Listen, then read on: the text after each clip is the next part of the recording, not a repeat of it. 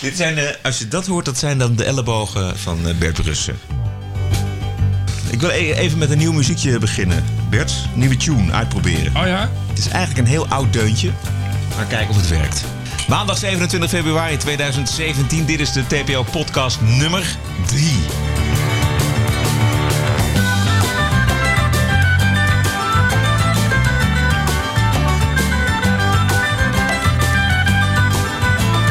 En hier naast mij hoofdredacteur Bert Brussen. Ik ben Roderick Velo. Wij bespreken elke week het nieuws en wat ons allemaal nog meer eh, bezighoudt. Ik heb trouwens gisteren Oscar gewonnen. Ah, Voor leuk. beste podcast. En toen kwam ik op het podium, toen bleek het toch niet van mij te zijn.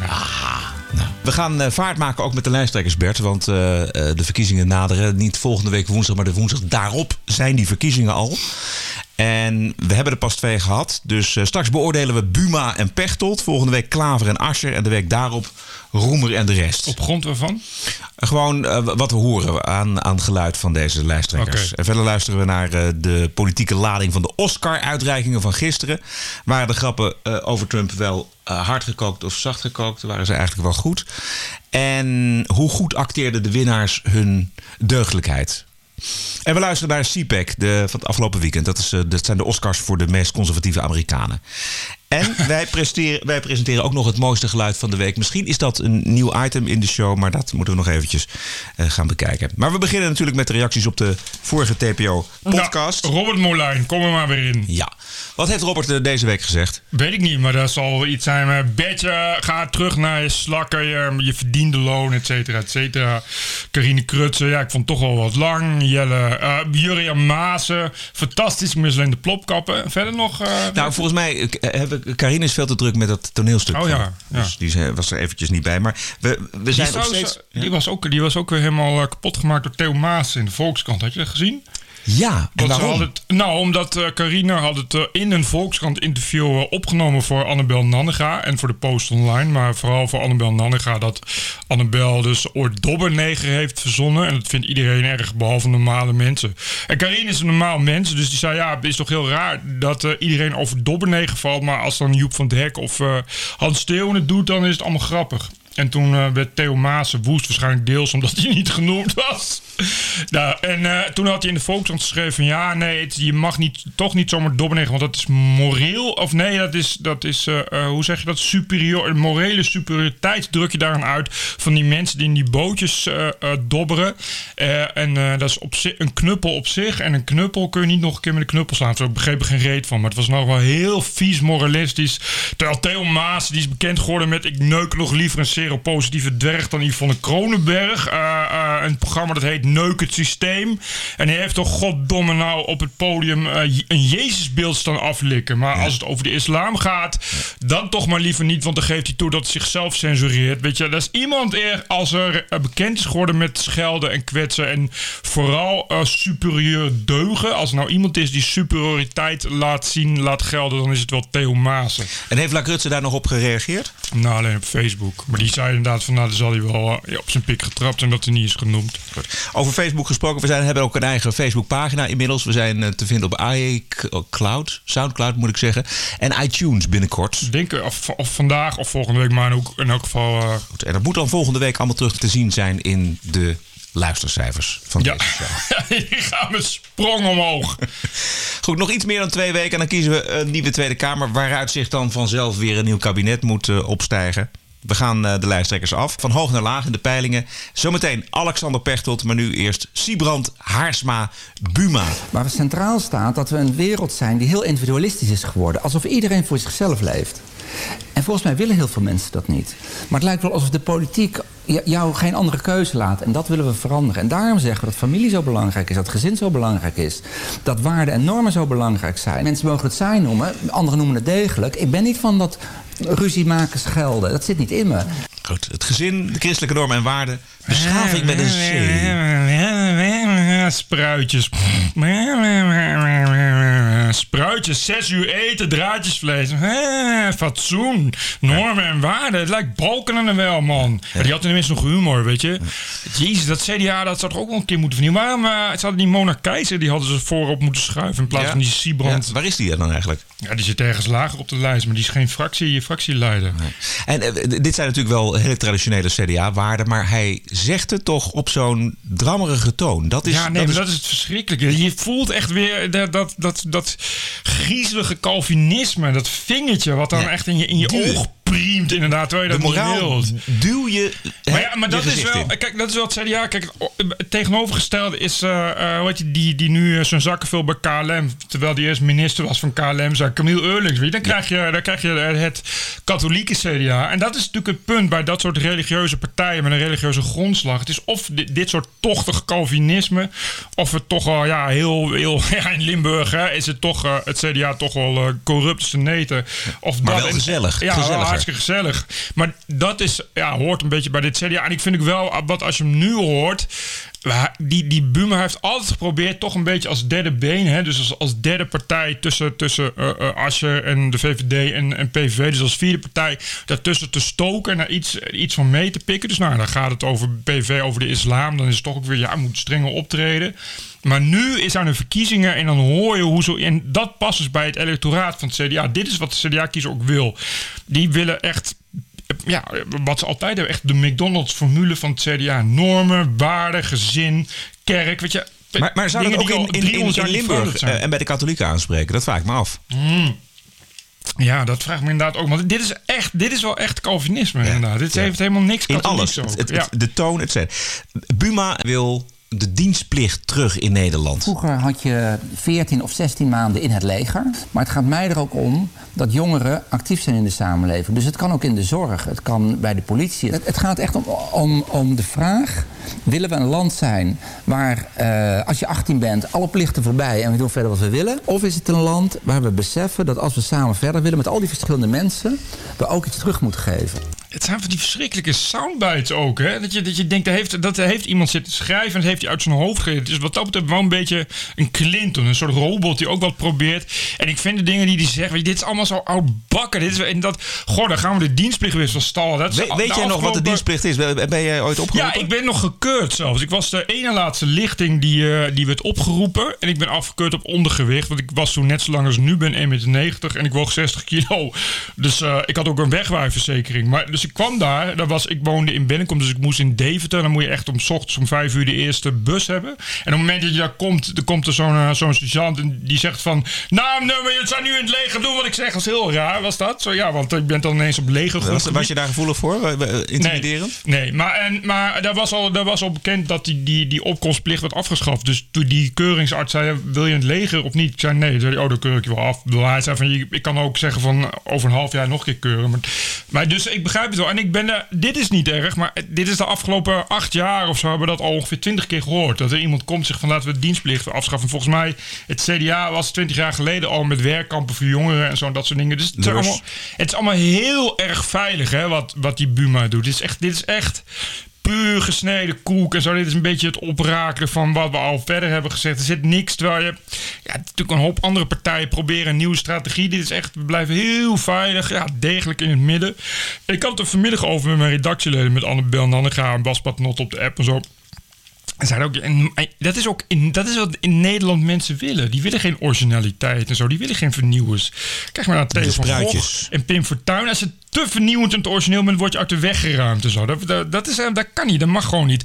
Dus, en ik zag ook een foto van dat lijsttrekkersdebat bij RTL, eh, geloof ik. Of in de Rode Hoed, daar was het van, Ja. eh, van het Ja, weekend. RTL. Ja, dan zie je ook van die mannen in allemaal hetzelfde grijze pak. Met een gekleurde stropdas, maar wel allemaal pasteltinten. Ja.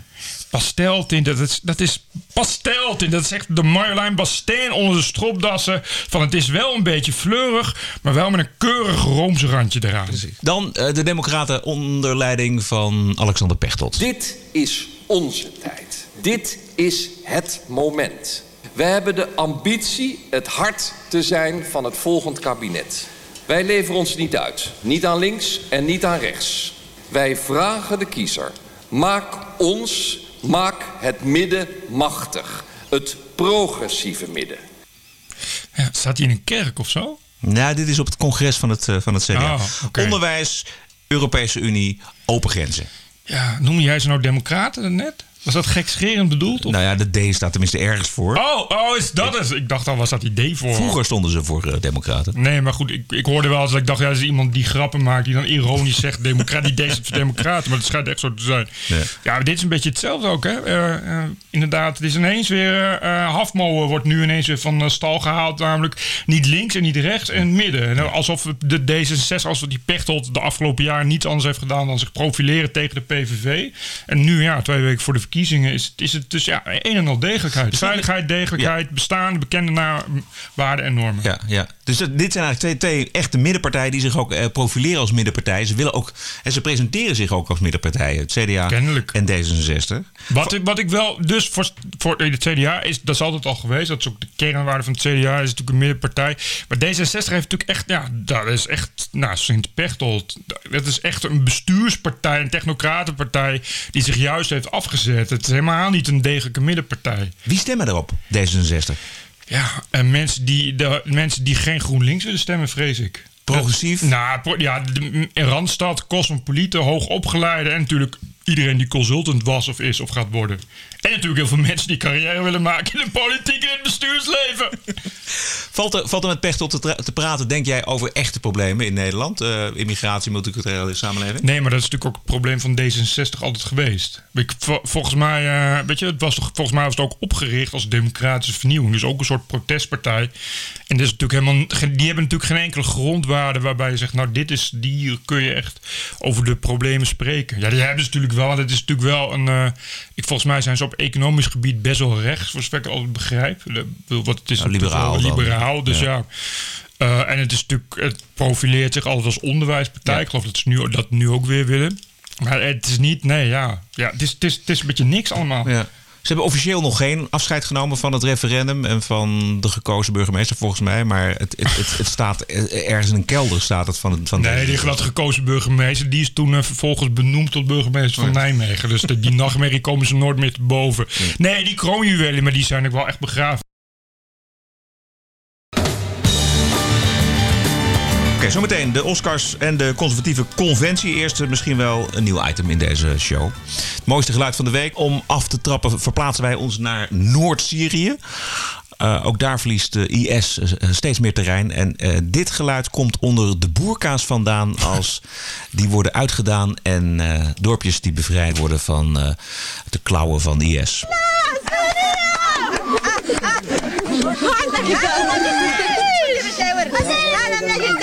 ولا على رأسي. Ja, misschien heb je de beelden wel gezien. De boerka gaat af, de lachende gezichten verschijnen onder de boerka... en er wordt weer gedanst, sigaretje wordt aangestoken. De boerka wordt ook aangestoken met eh, dezelfde lucifers. Eh, dit, is, dit is Syrië, dit zijn bevrijde vrouwen. Wat zullen we nu krijgen? Boerka's in de fik steken. Terwijl Ja. boerka's, dat is toch een symbool van eh, emancipatie en vrijheid. Heb ik altijd geleerd van de hedendaagse feministen.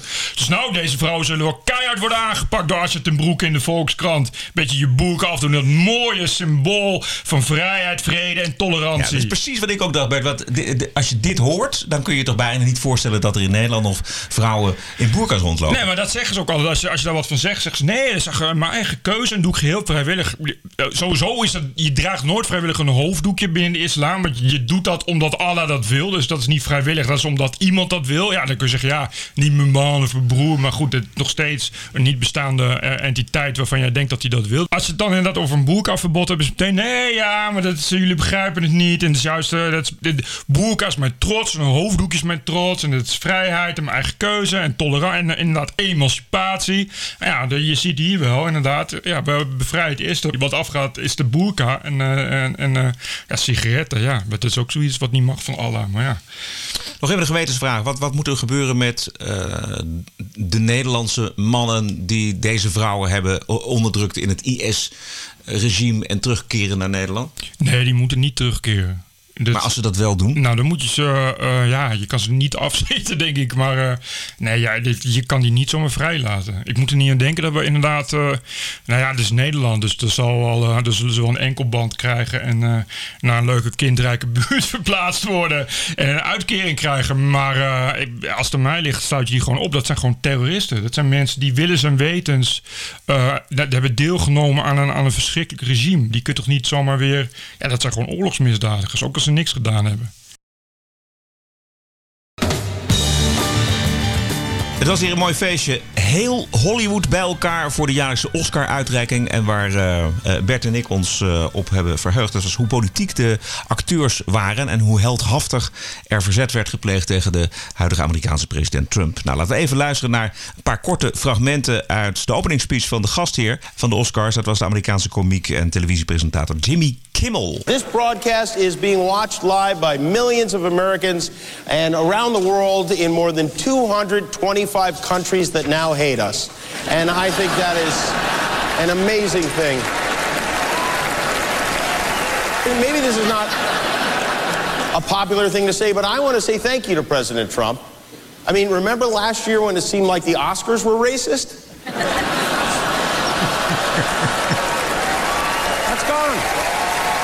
To him. Meryl, stand up if you would. Everybody, please join me in giving Meryl Streep a totally undeserved round of applause, will you? the highly overrated Meryl Streep, everyone. Uh, nice dress, by the way. Is that an Ivanka? We hebben gelachen, Bert. Ja, omdat dit is natuurlijk gewoon een komiek. En dit is ook echt grappig. Ik bedoel, Die grap is ongeacht wat je van Trump vindt. eh, lollig. Maar goed, dit is dus ook een komiek. Dus dit is wel iemand die, die, al, die weet hoe je grappen moet maken. Dat scheelt al een hoop. Bovendien hoorde je inderdaad dat hij ook Meryl Streep afzeikt. En zo. Dat is een beetje zo zijn werk. Ik denk dat als Obama nog president was geweest... dat hij dezelfde grap had gemaakt. Ik weet niet of hij Meryl Streep afzeikt. Want hij gebruikte woorden die Trump voor haar gebruikt had. Namelijk Ja, ja goed, maar Eh, hij, hij, hij maakte een vingerwijzing naar wat... Want dat was eigenlijk waar iedereen op wachtte... dat Meryl Streep helemaal los zou gaan op Trump. Maar kennelijk is dat ineens toch weer... eh, viel het allemaal wel weer mee. Maar eh, ik vind, dit vind ik niet zo erg. Omdat het ook... Dit is geen moralisme. Dit, is gewoon, dit zijn gewoon goede grappen. Precies. Ehm, laten we even luisteren naar een echt emotionele oproep tot verzet tegen Trump. En die kwam van de Mexicaanse acteur Gael Garcia Bernal. As a Mexican, as a Latin American, as a migrant worker, as a human being, I'm against any form of wall that wants to separate us. Ja, Bert. Allemaal klappen. Het zijn net zeehonden. Ja, nee, ja, dit, is, dit is echt... Dit is hetzelfde dat we hier toen die Nasreddin Decharle die een gouden kalf won. Ik ben, ik ben een Marokkaan, ik ben een fucking gouden kalf. Dat je denkt van, ja, waarom zeg je dat? Wat doet het toe wat je, wat je achtergrond is? Nou, altijd als je, als je die mensen aanspreekt op een achtergrond, zegt ze, nee, mijn achtergrond doet het niet toe. Dat is discriminatie. Maar als het uitkomt, is het eerste wat ze zeggen, oh, dit is mijn achtergrond. Bovendien, die, die muur en zo, je kan niet zomaar, je kan niet zomaar zeggen van, ik, ik ben tegen die muur, want alle Mexicanen zijn leuk en zo. Dat moet je in New Mexico gaan vertellen, in Texas en zo. En dat is echt, bedoel, als je weet hoe groot bijvoorbeeld de drugsproblematiek is van die Mexicaanse kartels en hoe dat steeds meer Amerika binnenkomt. Die, die, die muur is echt veel meer dan dat. Die muur is veel meer dan, dan een zo'n symbool van ik ben tegen immigranten en zo. Volgens mij zo dat- werkt dat- het gewoon niet. Nee, dat is ook volgens mij wat er, wat er steeds eh, ook in, in de taalgebruik eh, en in de perceptie van mensen inmiddels eh, helemaal verkeerd zit. Namelijk dat die muur er is om illegale immigratie tegen te gaan en niet om immigranten tegen te houden. Nee, het is, het is echt ook... Ja, Amerika blijft een land van immigranten en, en die kunnen gewoon via de voordeur naar binnen. Het is ook een grensmuur. En, en, een, een grensmuur gre- die, dat ook grenst aan een echt een problematisch land. Dat is de afgelopen twintig jaar ook wel heel veel erger geworden. Ik weet niet of iemand, als je je verdiept in de, in de problematiek daar, in de, drugsproblematiek. Dit is echt Colombia 2, zeg maar. Wat we vroeger met eh, eh, Pablo Escobar hebben, hebben ze nu daar. En nog veel en veel gewelddadiger. En je ontkomt daar niet aan in die grenssteden dat dat zo zijn invloed heeft op jouw land en zo. Dus de- die muur is best wel voor gedeelte echt wel noodzaak. En dit is heel makkelijk framen. Inderdaad zeggen, ja, maar dat zijn mensen die op zoek zijn naar een beter leven en zo. Dat zijn het ook en zo. Maar het zijn ook keiharde drugsdealers die op zoek zijn naar nieuwe slachtoffers. Eh, het zijn eh, gewelddadige criminelen. En het zijn dus miljoenen illegale immigranten. Dat is ook heel leuk. Die mensen zeggen, ja, want die maakt je huis schoon en doen de riolering. Gewoon een beetje net als hier. Dat je zegt, van de onderkant van de markt wordt bediend door dat soort mensen. Maar je kan niet tientallen miljoenen illegalen in je land hebben. Dat, dat, dat werkt gewoon niet. Dat geeft uiteindelijk zulke grote problemen. Uh, ook, ook op de arbeidsmarkt, want ze verdringen natuurlijk voor een groot gedeelte de, de wat lager opgeleide Amerikanen. Ook dat. Maar je, je, hebt geen, je hebt geen oneindige resources om, om, om je land maar te blijven vullen zonder dat je daar enige visie op hebt. Nog één vraag over deze, deze uitspraak van die Bernal. Hoeveel is er nou, zou er gemeend zijn en hoeveel is er ego op de borstklopperij, kijk mij eens opkomen voor de goede zaak? Nou, heel veel. Dit is. Um, maar dit, is, dit, ja, dit hoort bij de Oscars. Dit is de 90% van Hollywood is zo. Dus je, maar het is een beetje, ja, het is ook een beetje verplicht. En die mensen hoor ik verplicht klappen. Maar dat is verplicht. Je kan niet bij de Oscars gaan zitten en, en vinden dat je uh, uitgenodigd mag worden en niet tegen Trump zijn en verplicht klappen bij alle politiek correcte opmerkingen. Bovendien, uh, weet je, de winnaar, uh, weet je, de Oscar-winnaar van, van binnen de film, dat is heel raar, want dat La La Land heeft heel veel Oscars, maar niet de beste film. En de beste film is dus een film die gaat over een homoseksuele neger. Hoe politiek correct wil je het hebben? Hoe obvious is het? Weet je, Tuurlijk wint hij omdat het een politiek correct film is. Dat is Hollywood. Dat is Hollywood ten voeten uit. Dus hij zal gek zijn als hij het niet doet. Je bent echt... Uh, miljoenen uh, heeft hij nu al verdiend door, uh, door deze strategie te gebruiken. Dat, zie je, dat heeft hij Nasreddin Char nu nog steeds. Die, die heeft laatst dat verschrikkelijke iedereen gedaan en zo, weet je wel. Die kan, die kan dus de rest van zijn leven... kan hij bij de, de Wereld Draait Doortjes en de talkshows en zo... kan hij weer dat hele pathetische verhaaltje van... ik ben een Marokkaan ik wil een inclusieve samenleving. Daar hoef je niet eens meer voor te acteren. En dit, dat, dat doet deze Mexicaan, ik had nooit van gehoord. Waar speelt hij eigenlijk? Weet je dat? Hij speelt, hij, onder andere heeft hij Che Guevara gespeeld in, de, oh ja. in die film over zijn leven. Hij is wel een bekend hoor. Oké, ja, nee, ik ben niet zo op de hoogte van als die naam. Maar als ik ze zie, denk ik van, oh ja, die. Ja. Maar, uh, Oké. Goed, afgelopen weekend conservatief Amerika bijeen op de CPAC-conferentie in Washington. Vier dagen pep talk van de bovenste plank, maar dan wel de bovenste plank aan de rechterkant, zeg maar. Uh, een paar korte fragmenten. Je hoort stafchef van het Witte Huis, Reince Priebus, over zijn eigen verbazing dat het uiteindelijk Trump is geworden. We're so conditioned to it. I'm personally so conditioned to hearing about why President Trump isn't going to win the election, why a controversy in a primary is going to take down President Trump. I lived through it as mm. chairman of the party. And, and it really hit me because it was maybe the summer of 2015. And you remember the media was constantly pounding President Trump. And the polling kept getting better and better and better. But it was when I went home and got out of this town and I went back to Kenosha and I talked to my neighbor and I said, Bob, what do you think? And he goes, Man, I really love that Trump. And I said, Sandy, Sandy, what do you think? She says, We're for Trump. And it was, as you all lived through it too, because you all had different people you were for, but you kept running into your neighbors and you kept running into people that you know. And what did they kept telling you? They kept telling you Trump. Ja, hij zegt iets heel belangrijks, denk ik. Namelijk? Nou, hij heeft het over conditionering. Hoe je verwacht dat dat niet gaat gebeuren. Hoe je de eerste keer zo'n Trump ziet.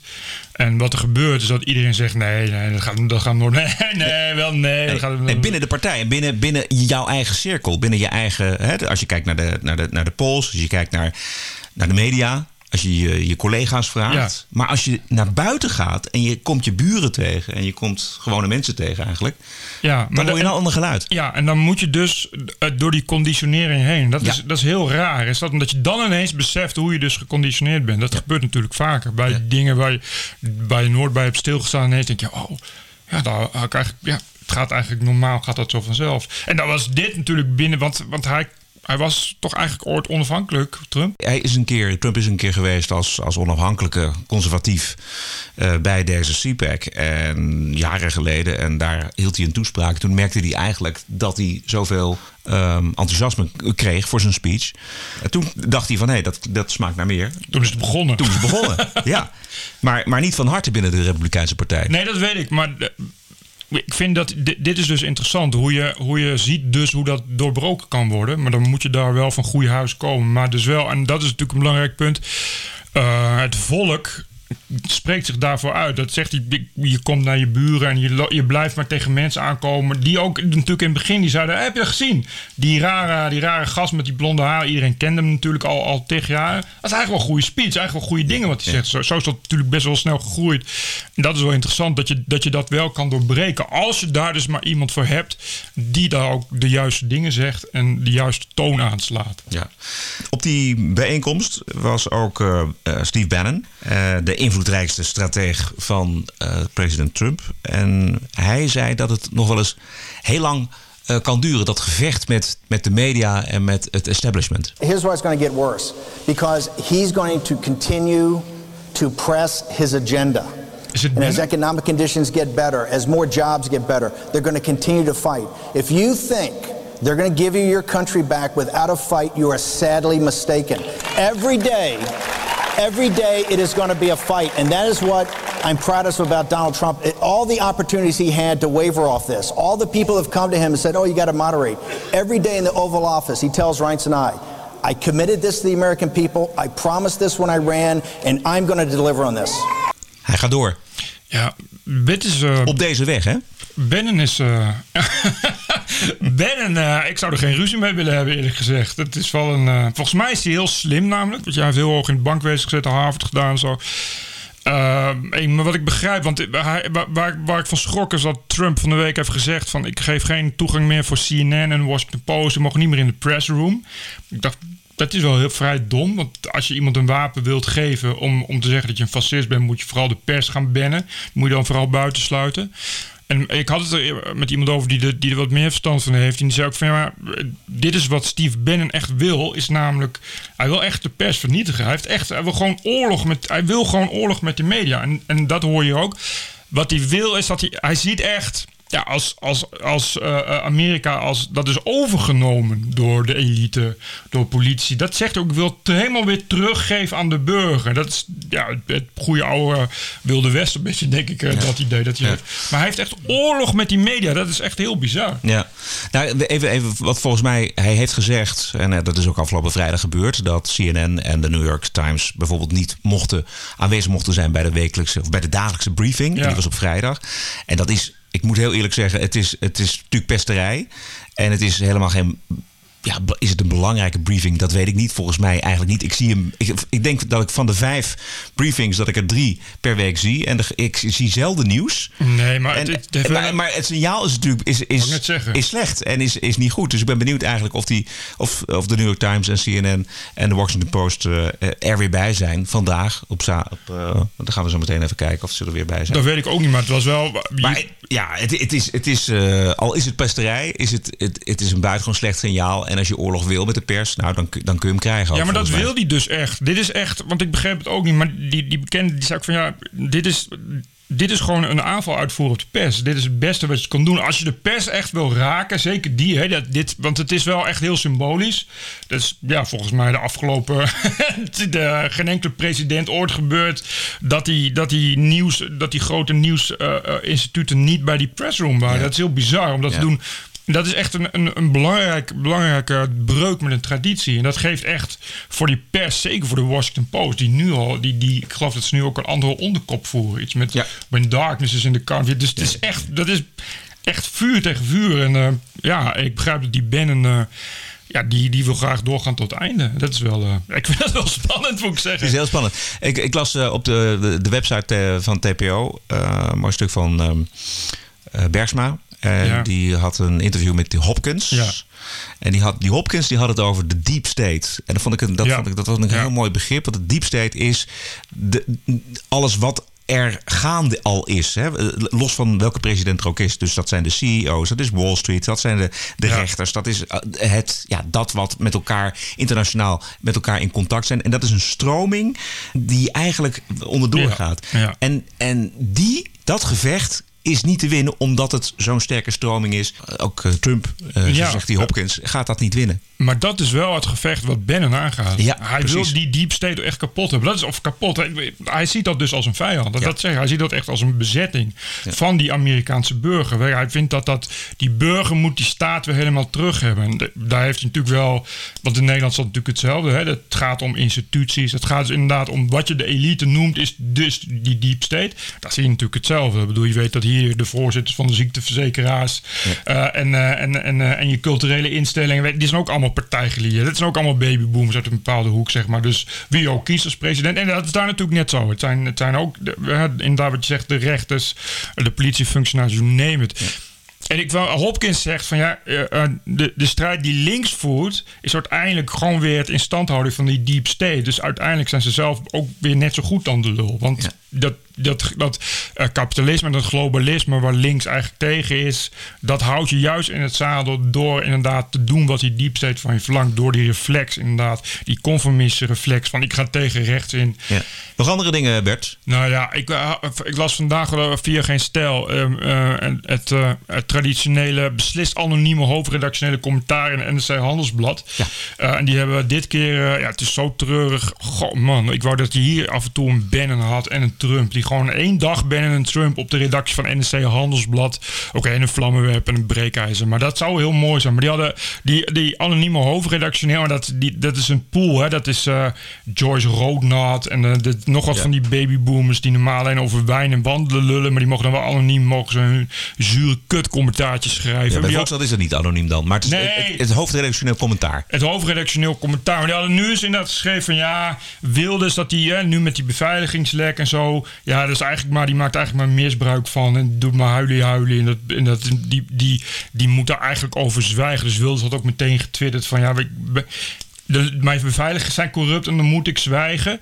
Ja, ik dacht meteen, ik weet het niet. Het is uh, uh, 14, 15 jaar geleden dat Volker Jensma, destijds ook hoofdredacteur van de Volkskrant, één dag voor de moord op Fortuin een hoofdredactioneel schreef waarin hij zei: We moeten de xenofoben in het land van ons lijf houden. De volgende dag was het daadwerkelijk gebeurd. Ik dacht wel, nou, is in 15 jaar vrij weinig veranderd. Vooral ook omdat Volker Jensma nog steeds in het hoofdredactionele commentaarteam zit. Dus hij zou het zomaar eens geschreven kunnen hebben. En dat is toch wel heel droevig. Dat je in 15 jaar moreel gewoon helemaal niets bent opgeschoten. Dat vind ik echt. Ja, daar kan ik echt uh, huilend van wakker liggen. Nee, dat niet. Er is natuurlijk niemand nog die dat leest. Alhoewel, dat is toch nog wel 200.000 of zo. Of 180.000.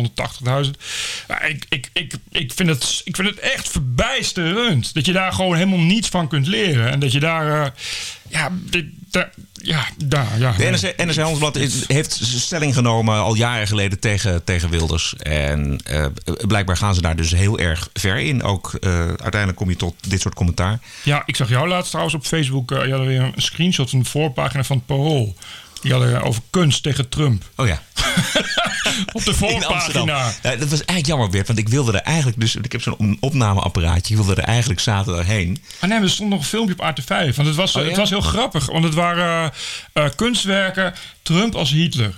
Oh, okay. Trump als nou, Hitler. Zeg. Nou, nou, dat was, je begrijpt dat dat echte kunst is. Tuurlijk is dat echt een kunst. Kom op nou, zeg mensen. het was eh, op het WG-terrein, uh, volgens mij daar bij de. Nee, maar goed, maar, de, maar ja, nee, het parool zet dat op de voorpagina. Dat is, ook, dat is precies zoiets. Dat je denkt van, van je bent in 15 jaar helemaal niet opgeschoten. Je hebt gewoon niet. En dan eh, denk ik wel van, nou, was er maar een Steve Bannon. Weet je, dat is echt een. Uh, uh, ja, god man, die, die media, daar moet toch gewoon inderdaad even... Nee, maar kijk, nu, nu gaan we toch een interessant punt eh, tegenkomen, Bert. Want in, in, in wat voor donkerte dalen wij af als een regering, al is het een Trump-regering of van welke regering dan ook, een Wilders-regering misschien, of een Rutte-regering op een gegeven moment echt de oorlog gaat verklaren aan, aan, aan de media. Ja, nee, ik bedoel niet in de regering, maar Ben en dat, dat is iemand die dus bekend is geworden en de stratege uh, is geworden van het bestje van media, van ja. staande media, dat bedoel ik. Dat meer kritiek is. Maar dan dat je ook iemand hebt die echt ja, op die snoeiharde rechte flank zit. En dan niet de dagelijkse standaard. Dat is, dat is een soort van, van,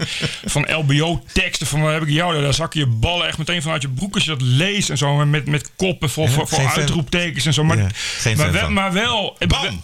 Ja, klamham, hartstikke idee.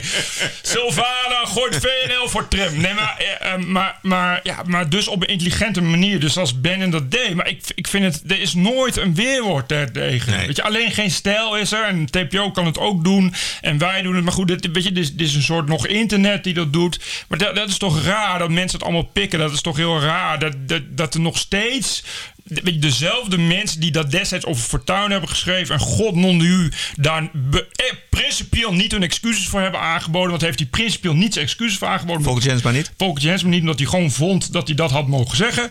Uh, uh, dat nog steeds doen en dat er daar geen ophef over is. Dat niemand zegt van wat zullen we nu toch krijgen? Hou er toch eens mee op. Ja, Annabel Nannega die schrijft er nu een column over. Ja, goed. Weet je, dat, dat is dus internet en zo. Dat zou wel toch een bredere beweging moeten zijn, denk ik dan. Maar dan, dan zou je een, een, dus inderdaad een, een, een soort van banner moeten hebben die, da, die daar Ja, maar dat is sowieso in Nederland. We hebben ook geen tabloid, weet je? Nee. Geen tabloid pers. Dat, dat, dat, dat is gewoon een groot gemis, vind ik. goed. Nog iets om, uh, om naar uit te kijken deze week? Uh, nee. Met, waar uh, waar moet ik naar uitkijken? Koninginnedag of zo. Ja. Ik heb vandaag foto's nog gezien van de ja. Maïs in Leg. Ja. Prachtig, hè? Heel mooi. Prachtig. En, en, maar ik heb zelfs bewegende beelden gezien van de koning. Nee. Ja, op de skis. Wat leuk. Goed hoor. Goh, wat leuk. Hè? Die meisjes zijn ook zo groot nee, geworden. Ja, je, zou, je, zou, je zal maar op vakantie zijn en uh, de Nederlandse pers uh, een, een persmoment moeten geven. Och. Maar en dan moet je poseren. In hetzelfde, elke keer hetzelfde cliché. Ja, ja en dan mag je en dan. Uh, Heb je haast? Het lijkt alsof we live zijn. Dat we zo meteen worden nee. uitgeduwd door de zender. Bert van Sloot het journaal weer komt aankondigen. Dat zo meteen in het sportjournaal zit. We hebben alle tijd, Bert. Oh, nee, nee, dan, dan is het goed niet, niet ook nog veel te zeggen had. Klinkt het, klinkt het nu beter? Het, het, het uh, klinkt het goed op je. Ja, denk wel. Ik, ik heb weer ik, zitten, zitten klooien aan, de, aan dit apparaat hier. Om het toch weer ietsje, ietsje beter te laten klinken. Heb je er eigenlijk wel verstand van? Of heb je gewoon een dagje dag. Geef mij maar gewoon een apparaat wat indruk indrukwekkend uitziet. Dat met heel veel bewegende lampjes. Ja. ja, dat vind ik wel gaaf. Serieus. Ja, ik vind het fantastisch. Dus, uh, Het ziet er heel professioneel uit. Het klinkt ook professioneel, of niet? Ja, heel erg. Maar ik mis wel de plopkappen. Of je een beetje galm? Ik kan ook een beetje galm. Dat is leuk, dan kun je net als Pechtold. Ja, precies. Stem voor het midden. Oh. ben je er al, Bert? Ja. Kijk. Gemeente. Oeh. Broeders. Broeders. Zusters, ik sta u voor u. Als lam des gods en ik gebied u, geef uw geld aan de gebroedersbaan voor een hardwerkende talenten en stem D66. Stem tegen populisme. Amen. Wat ik hoorde trouwens, nog heel ja. even. Je, ja. uh, je laatste column heb je ook een soort, soort Steve Bannon-achtige aanval op de media gelanceerd. Ja. Je hebt je column op RTL Z en uh, de Post Online. Uh, dat was, ik las ook mensen die zeiden. Oh, dat was een soort van liefdestro. Die zei als, als analyse verpakte conspiracy-theorie. En dat zegt conspiracy, Joshua conspiracy. Ik krijg geld voor Soros liefdestro. Maar dat zeiden. Maar ik hoorde dat jij ook nog even wat voorgelegd toch wel aan, uh, aan Harm. Of uh, aan de hoofdredactie. Van, ja, Pieter Klein. Pieter. Ja, ja, dat bedoel ik. Ja. Ik wil nog een paar dingen weten hoe dat precies is gegaan met dat interview. met de broer van Geert Wilders. Ik, ik had die informatie nodig voor, voor de column ik, wat ik vroeg hem, hoe is dat gegaan met dat interview? Ja. En dat wilde ik weten. Uh, nou, en, en daar heeft hij mij informatie over gegeven. Oh ja. Maar die column is ook kapot veel gelezen. Ja? Ja, was echt, een, ging meteen viraal of zo. Dat het 4000 of zo? Ja, 4000 keer geliked en gedeeld. Maar uh, je, ja, ik denk wel dat 90% van de lezers daar wel mee eens. Die zijn heel blij dat je het schrijft. Omdat die, die vinden dat ook. En ik moet zeggen dat ik... Uh, ik ben het daar in grote delen ook mee eens. En wel met je column hoor. Maar met, uh, met, met die mensen die reageren. Wat ik wel heel erg vind... Is dat ze... Um, helemaal geen vertrouwen meer hebben in de media. Want het was van de week, van het weekend geloof ik, in Duitsland. Er reed iemand een paar voetgangers aan in, in Heidelberg. Ja. Um, en en dat, dat ging al zo snel dat mensen zeiden: Oh, dat zal wel moslim zijn, dat zal het buitenland. Dat die politie van Heidelberg heeft letterlijk op Twitter gezegd: We benadrukken nogmaals, het is geen allochtoon uitroepteken. Daar hebben ze ook weer heel veel gezeik over gehad: van mag dit wel? En wa wat je dan ziet, en ik heb het ook weer online gezet via de politie benadrukt. Wat je ziet is, is dat mensen zeggen: Nou, als de politie dat zo benadrukt, zal het dus wel een allochtoon zijn. Jezus. En dat vond ik wel, dat ik dacht van ja ja, de, die is ook niet. Die media kan ook helemaal niets meer zeggen. Want Nee. ze hebben zo'n groot wantrouwen. dat ze al meteen zeggen: dat is allochtoon. En zegt de media: nee, we weten het niet. Want we weten niet, want de politie zegt niks. Dan zeggen ze: ja, nee, dan houdt de media het onder de pet. Of de politie houdt het onder de pet. En vervolgens komt de politie en zegt: we geven het vrij. Het is geen allochtoon. Het is een autochtone Duitser met een Duitse naam. Nee, dat is gelogen. Dat is dan gelogen omdat jullie niet willen dat het een moslim is. Ja. Weet je, eh, dat is wel iets waarvan ik denk: daar maak ik me wel zorgen over. Ja. Ik maar ja. vergeet, vergeet niet, vergeet niet dat, dat, dat die Duitsers behoorlijk wat voor hun kies hebben gekregen. Bijvoorbeeld met, met Keulen en het vorig jaar en, en dit jaar met En Keulen. ik, dat is ook wel, dat wantrouwen is deels terecht, omdat het bij Keulen ging het ook zo. Daar hebben ze, ik weet letterlijk, hebben ze eerst gezegd: het zijn geen buitenlanders. Er was iemand zo handig bij de politie om dat letterlijk te zeggen. Die is volgens mij ook weer vertrokken. Dat was een hoge, een hoge pief. Dus ja, daar heb je dat wantrouwen werk je wel in de hand. En ik vind dat wantrouwen hebben de media zelf heel veel schuld aan. Maar ik dacht wel, ja, het is wel, het, ja, het is best wel zorgwekkend omdat je als, je als je dan mensen krijgt die het überhaupt ja, ze gewoon zelf gaan invullen, dat wordt wel een beetje vervelend natuurlijk. Maar je, die geloofwaardigheid komt volgens mij alleen maar terug als je wat ik ook schrijf, wat, als je consequent blijft, uh, eerlijk blijft bericht geven over wat er, wat er, is. Ik zou, maar dan moet je wel uh, een publiek hebben wat je überhaupt de, de, ruimte geeft en de kans geeft om eerlijk te berichten. Wat je nu hebt, is er is een groep van mensen die überhaupt geen media meer nodig hebben, die dat dus helemaal zelf invullen. Ja, ja, precies. Ja. Dat maakt niet eens uit. Die hoeven alleen maar te horen dat iemand uh, voetgangers heeft, heeft, heeft aangereden. En dus hoe dan ook een moslim of allochtoon, dat hoeven ze ook niet meer te checken. Want dat is, dat is zo. Ja, dat, dat, dat wordt een beetje natuurlijk een vervelende situatie. Want dat betekent dat je ook. De volgende stap is natuurlijk dat je alles wantrouwt wat, wat iemand zegt. Weet je, ja. ja, dan kun je, dan kun je en, en, helemaal niks meer. Ja, en dat, dat sommige informatie niet onmiddellijk beschikbaar is. Dus dat, dat de media daarmee kan wachten. En dat, en dat dat onmiddellijk alweer ook een soort van achterdocht bij, bij het publiek teweeg brengt. Van, uh, oh ja, ze houden het achter. En ze geven niet onmiddellijk alle ins en outs. Dus dan, uh, dan zal het wel. Uh, dan zullen het wel allochtonen zijn. Nou ja, en, maar dat is dus wel gevaarlijk. En, en ja. wat ik zie is de reactie van de media erop... is dat ze die mensen schuld hebben. Maar ik denk wel van ja... wat jij schrijft in je column... ja, dan, je verbetert dat door dus eerlijk en transparant te zijn. En ja. dan wel een keer op te houden met de hele tijd...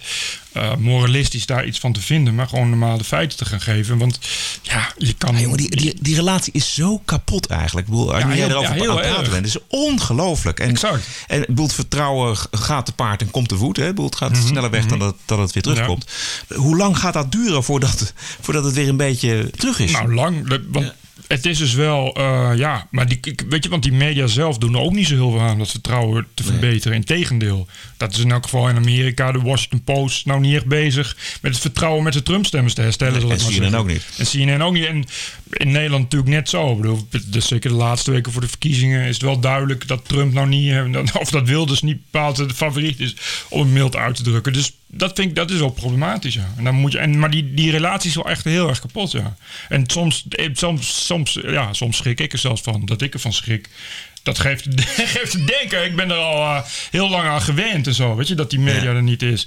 Uh, en ik zag ook, uh, want de Volkskrant had al laatst een van de piece over, over Zweden. Want Trump had iets gezegd over Zweden ja. en toen bleek er niks te zijn. En toen de volgende dag braken de rellen uit in zo'n wijk van, volgens mij was het Stockholm. Waar, waar regelmatige rellen uitbreken. Uh, en vervolgens ging dat een beetje een eigen leven leiden. Want zei iedereen, ja, Zweden zijn no-go zones. Zo. En dat wordt dan uh, niet, wat mij betreft, niet heel onterecht geframed als... Goh, het is leuk aan, leuk aan het lukken, hè, die multiculturele samenleving van het fijne welkomstland Zweden. En de Volkskrant ging daar als een soort van uh, het van nepnieuws... had dan een heel stuk over geschreven. Met als gevolg dat ze zelf nepnieuws gingen gebruiken om dat nepnieuws te debunken. Dat ze zelf in hun eigen conspiraties kwamen. Nu kwamen ze aan met dat ze een. Uh, uh, uh, uh, wat was het? Een Breitbart-Rusland-connectie hadden, yeah, ze, hadden ze yeah. ontdekt. Yeah. Dus ik dacht van ja, dat is dus hetzelfde als wat Breitbart schrijft over, over, de, over de linkse media. Dat is wat jullie nu ook doen. En ze hadden ook alleen maar, ja, hadden ze mensen nou, die je nou niet 1, 2, 3 moet vertrouwen als het gaat om cijfers en feiten. Overigens van dubieuze bronnen. En die hadden, nou, het hele verhaal van de Volkskrant was eigenlijk, het gaat fantastisch in Zweden. Fantastisch. Maar dat, perfecte multiculturele samenleving. En dat stond letterlijk uh, dat was ook de conclusie. Nepnieuws over Zweden. Lees de Zweden over, over migranten, over rellen, over moslims. Dat wordt gemaakt door xenofoob en extreem rechts. Ja, nou, als dan moet je dan inderdaad. En door ja, er is heel veel tussen nepnieuws, xenofoob rechts en normaal en linksnieuws en normaal nieuws. Een gedeelte is gewoon waar. Weet je? Ik bedoel. Het probleem is natuurlijk ontstaan op het moment dat, dat journalisten uh, met dat morele vingertje kwamen. En, en hun eigen mening uh, zo belangrijk genoeg vonden om die mee te wegen in, uh, in de berichtgeving. Daar, daar is het misgegaan. En, en als het moet verbeteren, als het vertrouwen terug moet, dan, moet, dan moeten de journalisten misschien wel dat morele vingertje afgehakt nou, hebben. Wat ik ook vind, is dat een, een gedeelte is, is dat er te veel vertrouwen is uh, geslopen bij de journalisten in die instituties, in de macht. Weet je, want dat, is, dat gebeurde ook uh, uh, in Keulen. De, die, die, politie, die, die politie doet dat fout. Die politie die houdt dat dus, hield dat dus letterlijk achter. Van het zijn buitenlanders uit angst voor wat er kon gebeuren. Ja. In Zweden is dat nog erger. Daar hebben ze de richtlijn dat je helemaal niet mag zeggen wat de etnische achtergrond is. En dan hebben ze vorig jaar in de zomer was een van de festivals. En hadden ze ook zo'n gevalletje Keulen. En daar gebeurde dat ook zo En die journalisten die gaan erin mee. Die kunnen ook vragen van ja, maar kun je niet zeggen wat de achtergrond is? Kun je mij dat niet in vertrouwen vertellen? En dat, gaat, en dat zie ik hier hetzelfde gebeuren. En zoals in dat verhaal dat ze de, de, dat verhaal over Zweden debunkt in de Volkskrant. Dan citeren ze medewerkers van de overheid die met getallen en eh, met, met, met cijfers en statistieken komen. Maar die worden niet gecontroleerd. Want als je die controleert, blijkt dat het allemaal iets genuanceerder ligt. Dat je daar aan de ene kant, de ene kant, andere kant heel veel over kunt zeggen. En dat is natuurlijk ook gebeurd bij bijvoorbeeld bij MA17. Dus volgens mij alleen Jeroen Akkermans en verder uh, inderdaad notabene Joost Niemuller, hè, een, een, online activist die zich daar toch wel heel goed mee heeft bezighouden, die daar kritisch in is geweest. De rest van de journalisten die schrijft het braaf over. Uh, en dat is natuurlijk ook uh, dat is natuurlijk destijds ook geweest bij uh, toen met de invasie van Irak. Ik bedoel, ja. het is wel toch echt het konto van falen komt op het konto van CNN en al die, al die kundige journalisten die nu geweerd worden, die destijds braaf hebben overgenomen dat er massavernietigingswapens zijn in Irak, want de geheime diensten zeggen dat. En dat zie ik in Nederland ook heel veel gebeuren. Er komen heel regelmatig rapporten uit en dat is dan het nieuws, hè, een rapport van de overheid, maar van een dependance waar een, een, een PvdA de scepter zwaait. Uh, over, over ongelijkheid in het onderwijs. Er is niet één journalist die dan zegt van ja, ik, maar, maar wie maakt dat rapport? Ja. Weet je, ja. hoe ziet dat onderzoek eruit? Wie heeft dat onderzocht? Uit welke hoek komt dat? Wie heeft dat onderzoek gefinancierd? Wie zijn er gevraagd? Dat is, het nieuws is, en in dat rapport staat nieuws dat bevalt ons, dan is het waar. En dat is het probleem. En dat zag je van de week dat ook is het met, probleem. Ja, dat zag je van de week ook met uh, Amnesty International. Een, een, een toch een, een redelijk, een redelijk keurige organisatie. Nee, Amnesty, nee. dat is Amnesty is wel echt, echt dat is een, echt een, echt een, een, een, outdated linkse babyboomsorganisatie geworden. Het is echt heel treurig. Amnesty International had een oordeel over. Uh, ja, ik heb het gelezen. Nederland. Uh, ja, xenofobie en nou ja, de, maar goed. Maar goed, er zijn, er zijn dus ook genoeg journalisten die dat dan uh, graag op de voorpagina zetten en hoog in de uitzending. Nee, maar dat, en, maar dat zou dus, dus journalist, dat, dat zou de relatie met die lezer ook beter maken. Ja. Dat je, je merkt heel erg dat die journalist een verlengstuk van die macht zijn. Welke macht het dan ook is. Dat ja. kan natuurlijk ook recht zijn. Ik bedoel, weet je, maar de, en dat is het probleem. Je moet daar juist als journalist moet je die macht dan extra controleren. Juist moet je op het moment dat iemand jou een rapport stuurt, moet je afvragen wat is dat dan voor rapport. En als iemand je cijfers geeft, want dat zie je natuurlijk in het nationaal vrijwel dagelijks. Hè? Dus de, dat is de goed nieuws show. Uh, het gaat goed met de verkoop van elektrische auto's. Dat is dan item nummer 1. Eerste wat je dan doet is van, hé, hey, maar wie zegt dat? Ah, oh, wat raar, dat is een branchevereniging van de verkoop van elektrische auto's. Dan zou je daar toch kritische vragen bij moeten stellen. Dus dat is echt een probleem. Ja. Goed, tot zover deze TPO-podcast nummer 3. We zijn te vinden op Soundcloud, Facebook en binnenkort ook op iTunes. Probeer het een ja, keer. En op uh, ik, tpo.nl slash TPO podcast. Maar die is ook als je op TPO.nl op de voorpagina heb je rechtsboven zo'n menubalk. En dan zie je TPO podcast, kun je op klikken. En dan zie je alle overzicht van alle podcasts. En dan kun je ook naar de Facebook en, en reageren. Kortom, geen excuus om ons niet te vinden. Deel ons met alle anderen. Graag tot volgende week.